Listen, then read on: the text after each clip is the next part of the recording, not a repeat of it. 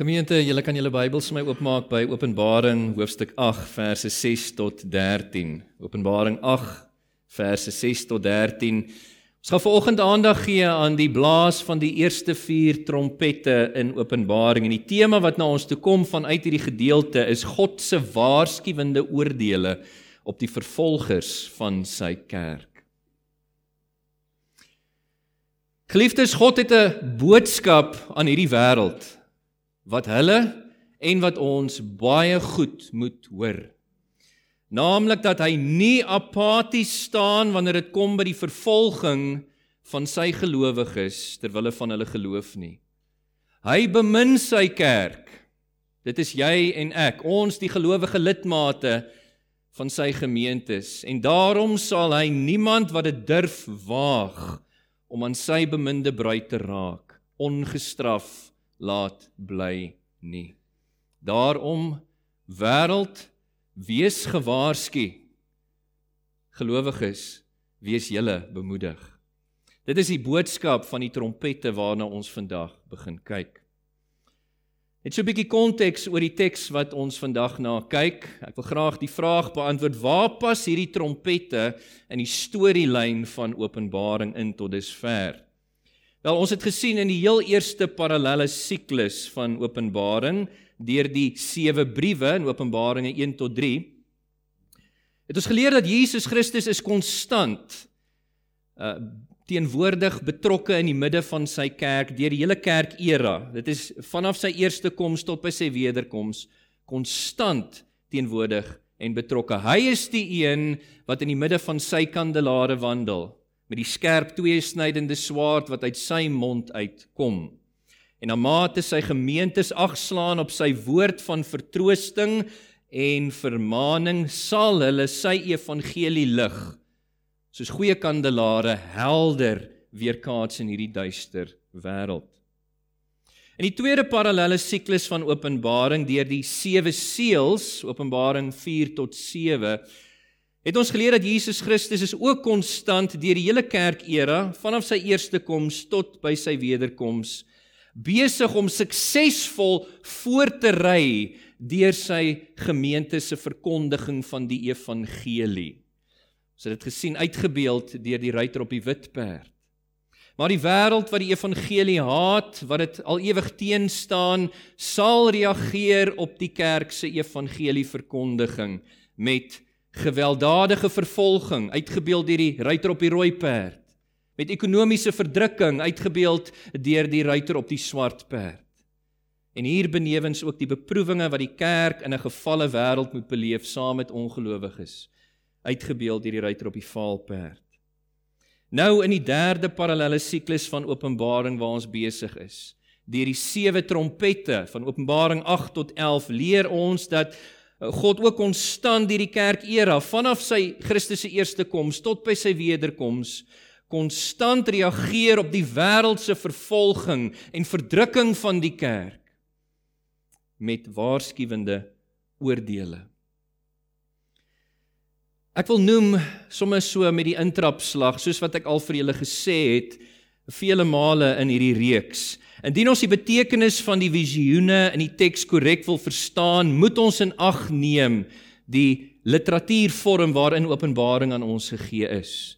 Dit is 'n apokaliptiese profesie soos Openbaring 1 vers 1 en 1 vers 3 vir ons sê waarin God gebruik maak van simboliese beelde, hierdie hierdie simboliese prentjies waardeur hy aan ons waarhede kommunikeer omtrent sy ewige geestelike soewereine heerskappy oor sy wêreld. Ons sien hierdie simbolisme ook in ons teks. Byvoorbeeld wanneer die eerste trompet blaas in verse 7 en 8, dan sien ons dat al die gras op die wêreld word verskroei deur die haal en die vuur wat met bloed uit die hemel neerreën op die aardbewoners. Maar net daarna in die volgende hoofstuk wanneer die 5de trompet blaas in hoofstuk 9 vers 4 sien ons daar is weer gras op die aarde wat die sprinkaan plaag verbied word om te beskadig. Of ons het gesien pas uh, twee hoofstukke terug in die einde van hoofstuk 6 vers 13 dat al die sterre in die hemele val op die aarde in koneksie met Jesus se wederkoms. Wanneer die vierde trompet in ons teks blaas in vers 12, dan is die sterre weer in die lig want hulle word getref sodat daar duisternis vir is vir 'n derde van die dag, derde van die nag. Is net om vir julle te wys. Dit is simbolisme waarmee ons te doen het in die teks en dit verhoed ons om na die teks toe te kom in 'n kras letterlike manier. En dit verhoed ons om die teks sterk streng kronologies te interpreteer. As ons dit so gaan interpreteer soos baie in ons dag doen. En kyk, ek moet sê dat ons in die 21ste westerse wêreld is geneig tot 'n meer letterlike, meer kronologiese verstaan van dinge. Maar ons moet die boek Openbaring lees met 'n eerste eeuse semitiese bril aan, soos ek al vir julle gesê het. En eh, as ons werklik by die ware betekenis van die teks wil uitkom, moet ons in ag neem dit is simbolisme. Ons kan dit nie kras letterlik interpreteer nie. Ons kan dit nie streng kronologies interpreteer nie. Wat ons het hier is waarhede deur simboliese beelde omtrent God se heerskappy oor sy skepping en dit is in hierdie lig wat ek die teks dan vir julle sal uitlê. Vanuit die teks gaan ons kyk na vier lesse Vier lesse of vier waarhede omtrent God se waarskuwende oordeele oor die vervolgers van die kerk. Sodat ons nie God sal onteer deur te dink dat hy apaties staan wanneer dit kom by ons vervolging in hierdie wêreld nie. Nee, maar dat ons bemoedig mag wees geliefdes. Bemoedig met die wete dat God sal optree in antwoord op ons gebede met angswekkende tog genadige oordeele wat bedoel is vir ons beskerming en wat bedoel is om die ongelowige wêreld tot bekering op te roep. Met dit as inleiding geliefdes, kom ek lees vir ons Openbaring hoofstuk 8 vanaf vers 6 en dan bid ek vir die Here se hulp. Die woord van die Here sê vir ons Die sewe engele met die sewe trompette het toe gereed gemaak om daarop te blaas. Die eerste een het op sy trompet geblaas en daar het haal en vuur gemeng met bloed op die aarde uh, is dit uitgegooi. 'n Derde van die aarde is verskroei, 'n derde van die bome is verskroei, al die groen gras is verbrand. Die tweede engel het op sy trompet geblaas en iets soos 'n enorme berg wat vlammend brand is in die see gegooi. 'n Derde van die see het bloed geword. 'n derde van die lewende wesens in die see dood gegaan, 'n derde van die skepe het vergaan. Die derde engel het op sy trompet geblaas, 'n groot ster wat soos 'n fakkel brand het uit die hemel geval op 'n derde van die riviere en op die fonteine. Die ster se naam is Wilde Als en 'n derde van die waterbronne het soos wilde als geword. En baie mense wat die het van die water dood gegaan omdat dit bitter geword het. Die vierde engel het op sy trompet geblaas en 'n derde van die son, 'n derde van die maan, 'n derde van die sterre is getref sodat 'n derde van hulle verduister is. Vir 'n derde van die dag was daar nie lig nie en net so was dit ook in die nag. Hierna het ek gesien en ek het 'n engel ook vertaal as 'n arend wat hoog in die lug vlieg met 'n skril stem hoor roep: "Wee, wee, wee die bewoners van die aarde!" wanneer die ander 3 engele binnekort met 'n geskal op hulle trompette blaas. Net tot sover uit die woord van die Here. Kom ons sluit ons oë gemeente. Vader met nederigheid, verootmoediging soos altyd, maar ook opgewondenheid kom ons na U toe. Dankie dat U U woord aan ons gee om ver oggend weer eens te bestudeer wil bid dat U deur die Gees werksaam sal wees in die uitleg daarvan. Verlig ons in hart en verstand dat ons mag verstaan wat U vir ons hier geopenbaar het deur simboliese beelde. Dat ons tot die korrekte verstaan van die teks mag kom en daardeur, Here, uitgedaag maar ook bemoedig mag wees. Kom doen U werk waarvoor U, Here, hierdie verkondiging van U woord beskik het. Ons vra dit in Jesus naam. Amen. Gemeente, eerste les wat ons leer vanuit die teks is dat die oordeele wat die vervolgers van die kerk tref, is afkomstig vanaf God. Dit is afkomstig vanaf God. God wil nie hê ons moet dit mis nie en daarom beklemtoon hy hierdie les, hierdie waarheid op verskeie maniere in die teks. Jy sal onthou dat die sewe trompette wat hierdie sewe engele nou in ons teks gereed maak om te blaas, was aan hulle gegee. Hulle het nie aangekom daarmee nie. Kyk na vers 2 van hoofstuk 8. Dit het gesê ek het sewe engele gesien wat voor God staan en hulle is sewe trompette gegee. Wie het hierdie trompette aan hulle gegee? Natuurlik God. Dit kom vanaf die troon. Dit is soos ek laas keer vir julle gesê het, 'n simboliese daad waardeur God aandui dat hy gesag gedelegeer het aan hierdie sewe spesiale engele. Dienende geeste volgens Hebreërs 1 vers 14 om sy waarskuwende oordeele oor die ongelowige wêreld uit te basyn. Dit kom van hom af. En ook is dit insiggewend dat wanneer hierdie trompette blaas, elke slag kom die oordeele van bo af. Ek meen ons kan nie hierdie die simboliese betekenis hiervan mis nie.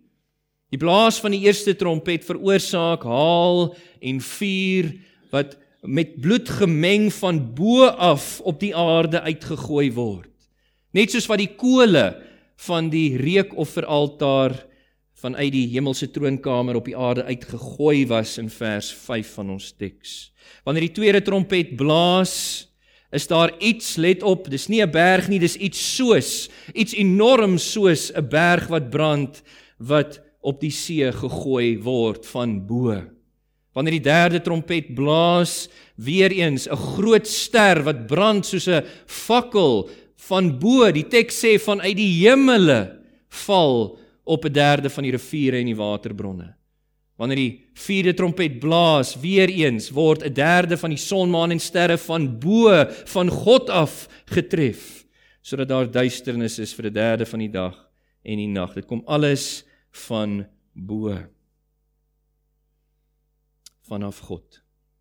En ook is dit insiggewend dat Wanneer God hierdie waarheid, die werklikheid van sy waarskuwende oordeele oor die vervolgers van die kerk, wanneer hy dit vir Johannes wys, wys hy dit vir hom deur hierdie spesifieke simbolisme, die van sewe trompette. Waaraan laat dit ons her dink? Waaraan herinner dit julle? Onthou baie van hierdie beelde kom vanuit die Ou Testament. Ehm um, dit laat my dink aan Jerusalem, Israel se inval, die Jode se inval van Jerigo in die land Kanaan. Toe God vir sy volk gesê het om 7 dae rondom die stad te stap en toe op die 7de dag met trompette te blaas en die Here het ingetree, die stadsmure het op daai 7de dag ingeval en die volk kon ingaan in gehoorsaamheid aan die Here om alles wat leef met die banvloek te tref. Ons lees daarvan in Josua hoofstukke 5 en 6. Betekenis agter hierdie simboliese konnotasie is voor die hand liggend, naamlik soos wat God ingetree het om te veg vir sy volk onder die ou verbond teen haar vyande, sal God dit ook doen vir sy kerk teen haar vervolgers. Die kerk is nie uitgelewer aan hulle eie vernuf, ons is nie uitgelewer aan ons eie vermoëns nie, ons hoef maar ons vertroue op die Here ons God te stel wat intree vir ons om vir ons te veg deur die blaas van sy trompette teen ons vervolgers. Dis die eerste les, die waarheid wat God wil hê ons moet leer deur die blaas van die trompette. Die oordeele wat die vervolgers van die kerk tref, kom vanaf God.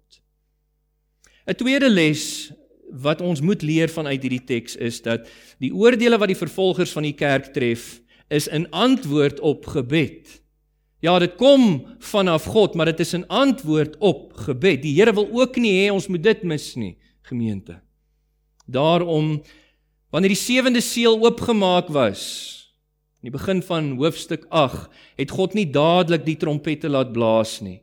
Hy laat heel eers vir Johannes die reukoffer seremonie sien waarvan ons laas keer gehoor het in Openbaring 8 vers 3 tot 5. Kom ek lees dit weer vir julle. In Openbaring 8 vers 3 het Johannes gesê hy het eers 'n ander engel gesien wat nader gekom het met 'n goue wierookbak en by die altaar gaan staan het baie reukwerke aan hom gegee om saam met die gebede van al die heiliges op die goue altaar voor die troon te gaan offer. Die rook van hulle van die reukwerk het saam met die gebede van die heiliges uit die engel se hand voor God opgestyg. Die engel het toe die wierookpak geneem, dit met vuur van die altaar afgevul, dit op die aarde uitgegooi en daar was donderslae, reënings, weerligstrale en 'n aardbewing. Is insiggewend. Die Here het eerste vir Johannes dit gewys want hy wil hê ons moet verstaan dat die waarskuwende oordeele oor die vervolgers van die kerk wat kom deur die trompette kom en antwoord op die gebede van die vervolgdes. Onthou julle ek het laasweek vir julle genoem net so twee bladsytjies terug in Openbaring 6 vers 10 die martelare die siele onder die altaar wat uitroep tot die Here in gebed hoe lank nog Here voordat u ons dood op die bewoners van die aarde wreek God het toe vir hulle wit stolas gegee en gesê wag nog 'n bietjie Maar deur hierdie seremonie in Openbaring 8 vers 3 tot 5 het God bekend gemaak hulle gebede styg voor hom op. Hy hoor dit. Soos vers 4 sê. Dit word vergesel met die intersessie, die intrede van Christus. Dit bereik die troon van die Here en dan reageer God in verhoring van gebed. Ons sien dit uitgebeeld deur die feit dat vanaf hierdie selfe reukofferaltaar waarvan die gebede opgestyg het, word die brandende kole dan uitgegiet oor die aarde. En wanneer hulle die kole uitgegiet word, dan sien ons net in die volgende vers, vers 6, dat die engele maak gereed om hierdie trompette te blaas. God se waarskuwende oordeele, sy brandende misnoë is gereed om te basuin oor die wêreld. Ook is dit insiggewend. Weet nie of julle opgelet het nie, maar wanneer hierdie trompette blaas, dan sien Johannes gebeure wat ons herinner aan God se pla oor Egipte land. Ek meen, die blaas van die eerste trompet bring mee haal en vuur met bloed gemeng wat op die land uitgegooi word. 'n Derde van die aarde word verskroei, 'n derde van die bome word verskroei, al die groen gras verbrand verbrand. Dit herinner ons aan die sewende plaag in Egipte waarvan ons lees in Eksodus 9 waar tydens God ook Egipte land die vyande, die vervolgers van sy volk lam gelê het deur 'n haal en blitse storm. Wanneer die tweede trompet blaas, bring dit mee iets soos 'n brandende berg wat in die see gegooi word. 'n Derde van die see word bloed, 'n derde van die seelewe sterf, 'n derde van die skepe vergaan En dit herinner ons aan die eerste plaag waarvan ons lees in Eksodus 7. Die waters in Egipte bloed geword het. Wanneer die die derde trompet blaas in ons teks sien ons 'n groot ster soos 'n brandende fakkel wat val op 'n derde van die riviere, die waterbronne. En uh ons lees dat dit bitter word, soos bitter als dat die mense daarvan sterf en dit herinner ons ook aan die eerste plaag in Egipte waarvan ons lees in Eksodus 7. Daar het God al die waters in Egipte bloed laat word, dit het gestink, dit het bitter geword, die mense kon dit nie drink nie, vee daarvan gesterf. En wanneer die vierde trompet blaas in ons teks, bring dit mee dat 'n derde van son, maan en sterre getref word.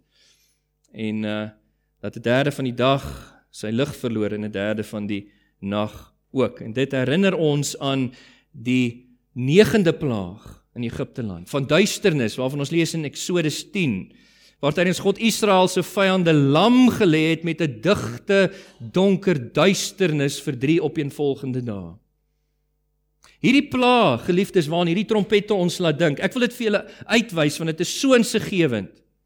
Waardeur God opgetree het vir die verdediging van sy volk teen hulle vervolgers. Dit het ook gekom in antwoord op gebed. Baie belangrik. Ek lees vir julle Eksodus 2. Julle hoef nie so intoe te blaai nie, julle kan maar net luister. Eksodus 2 vanaf vers 23. Gedurende hierdie lang tyd het die koning van Egipte gesterf. Ons ken die storie tot op hierdie punt. En die Israeliete uh, onder slawerny in Egipte land het gesug onder die slawewerk en hulle het om hulp geroep. Hulle het die Here in gebed genader. Hulle hulp geroep oor die slawewerk het opgestyg na God. God het hulle gekreun gehoor in hemelse plekke en het gedink aan sy verbond met Abraham, met Isak, met Jakob. God het die Israeliete raak gesien. Ja, God het kennis geneem en dit is op grond van daai gebede wat hy opgetree het vir Moses geroep het, gestuur het na die farao toe sodat hy sy volk kon uittrek met 'n sterk uitgestrekte arm deur die pla. 'n Paar hoofstukke later, Eksodus 6 lees ons dieselfde. God praat hier met Moses in Eksodus 6 vanaf vers 4. Hy sê vir Moses: "Ek self het die gekreun van die Israeliete gehoor. Dit het opgestyg as ek die woorde van die simbolisme in Openbaring 8 vers 3 tot 5 kan gebruik, opgestyg voor die aangesig van die Here. Hy het die gekreun van sy volk gehoor. Wat deur die Egiptenare verplig word om te werk. En ek het aan my verbond gedink en daarom sê vir die Israeliete Moses, ek is die Here. Ek sal julle uitlei weg van die dwangarbeid van Egipte. Ek sal julle verlos van die slawewerk. Ek sal julle loskoop met 'n uitgestrekte arm en met geweldige oordeele. Deur die pla en die trompette herinner ons aan God se antwoording van gebed ook daar. Dat dit is 'n antwoording op die gebed van sy vervolgde kerk dat die Here reageer teenoor die vervolgers van die kerk. Dit is die tweede les wat die Here wil hê ons moet leer vanuit hierdie teks. Dan 'n derde les Wat hierdie teks vir ons leer is dat die oordeele wat die vervolgers van die kerk tref, is angswekkend in gevolge. Angswekkend in gevolge. God wil hê ons en die wêreld moet kennis neem hiervan. Daarom soos wat hierdie sewe engele nou in ons teks gereed maak om hierdie sewe trompette te blaas, sien ons rondom die troon in vers 5 donderslae, dreunings, weerligstrale en 'n aardbewing bulder. Dit beeld vir ons uit God is ontstoke oor die vervolging van sy kerk. Hy is nie apaties nie. Soos in 'n vorige preek het ek vir julle genoem, bedreig, beseer 'n leeu wyfie se kleintjies en kyk wat gebeur met jou. Die Here wat sy kerk bemin sal nie diegene wat dit derwaag gaan raak ongestraf laat bly nie. Sy trompette sal oor hulle blaas. Ook wanneer hierdie waarskuwende oordeele hierdie trompette blaas, die oordeele wat ons sien in hierdie simboliese beelde is bedoel om vrees op te wek in die harte van ongelowiges. Kyk na die angswekkende aard van wat uitgebeeld word hier. Wanneer die eerste trompet blaas, bring dit mee haal, vuur met bloed gemeng wat op die ongelowige aardbewoners neergereën word. As die tweede trompet blaas, is dit iets soos 'n eislike brandende berg wat gegooi word op die see. Wanneer die derde trompet blaas, 'n groot ster wat soos 'n fakkel brand, val uit die hemele neer van God se troon af. Wanneer die vierde trompet blaas word son, maan en sterre getref. Angswekkende uh, gebeure word uitgebeeld hier vir ons. Wat net vir ons sê dat die omvang van God se waarskuwende oordeele oor hierdie wêreld vir die vervolging van die kerk, die omvang daarvan al word slegs 'n derde van land, see, waterbronne, hemelligte getref. Is van so 'n aard dat dit die ongelowige wêreld lam lê vir hulle vervolging van die kerk as 'n waarskuwing, net soos God eens in Egipte gedoen het.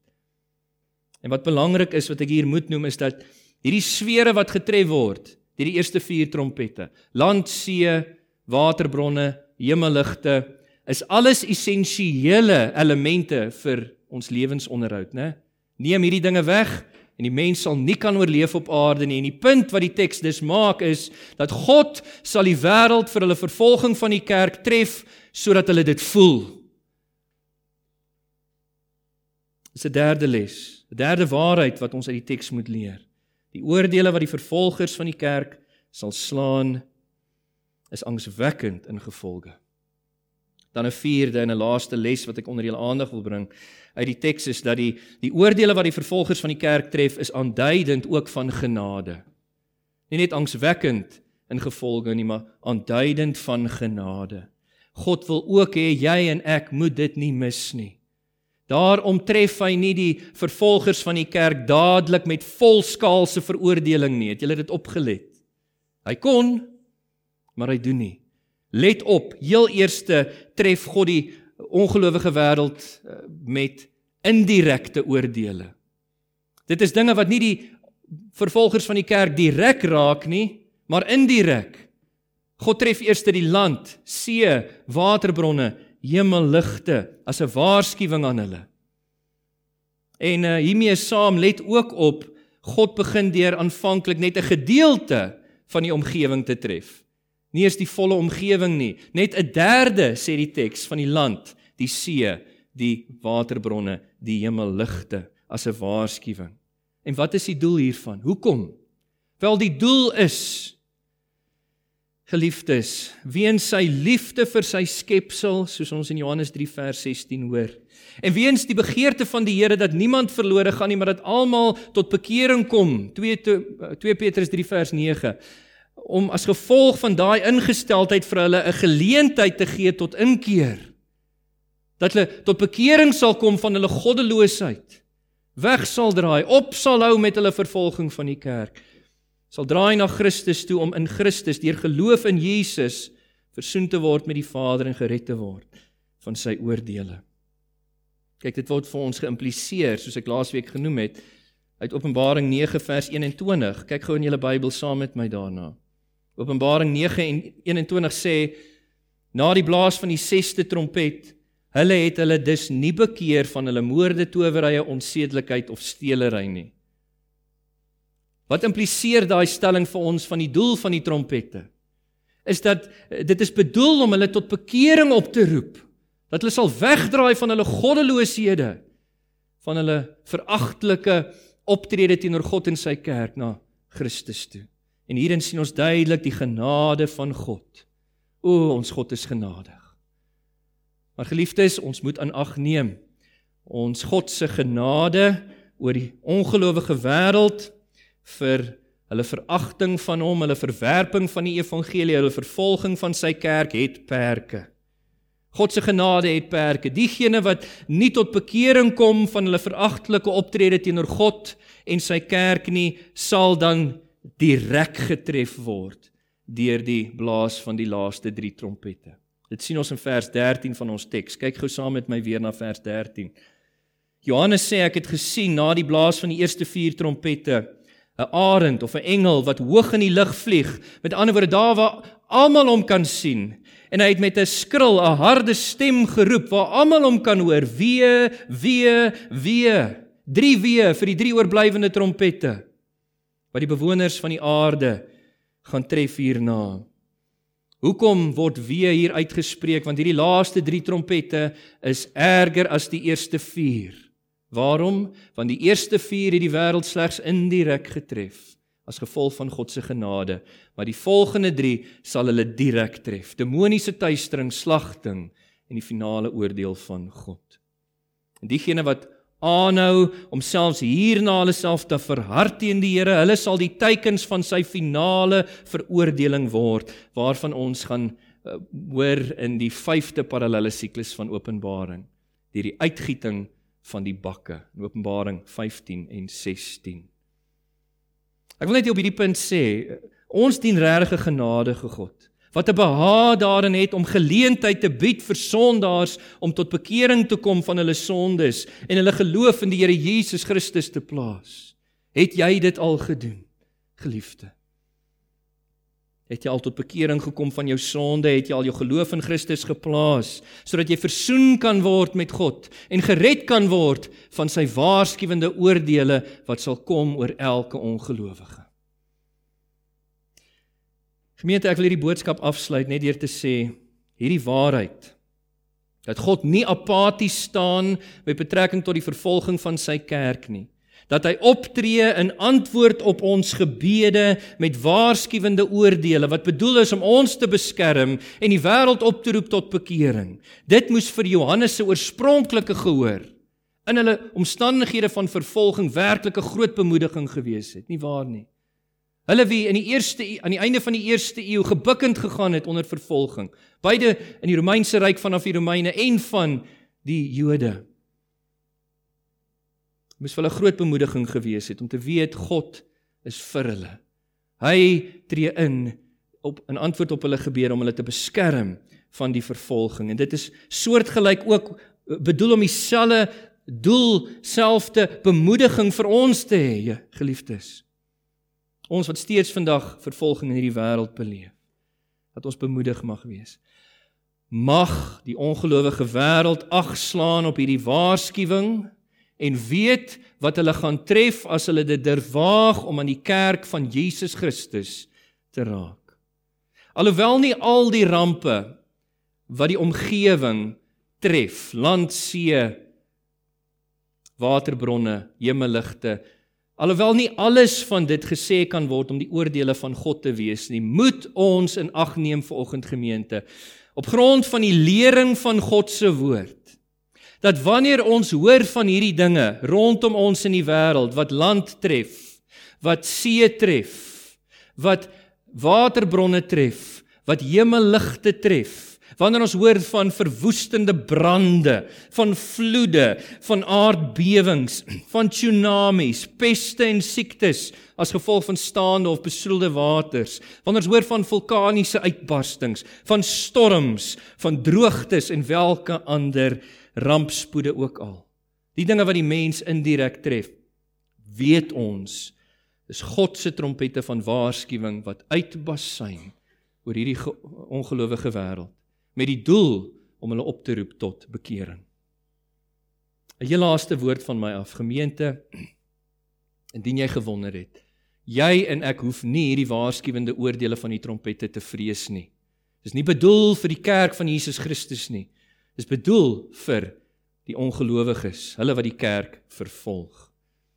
Die evangelie leer vir ons en ons het dit ook gesien uitgebeeld in hoofstuk 7 se visioene dat die diensknegte van God, jy en ek in 7 vers 3 word op grond van ons geloof in Christus Jesus deur die Heilige Gees verseël as God se eiendom onder sy beskerming.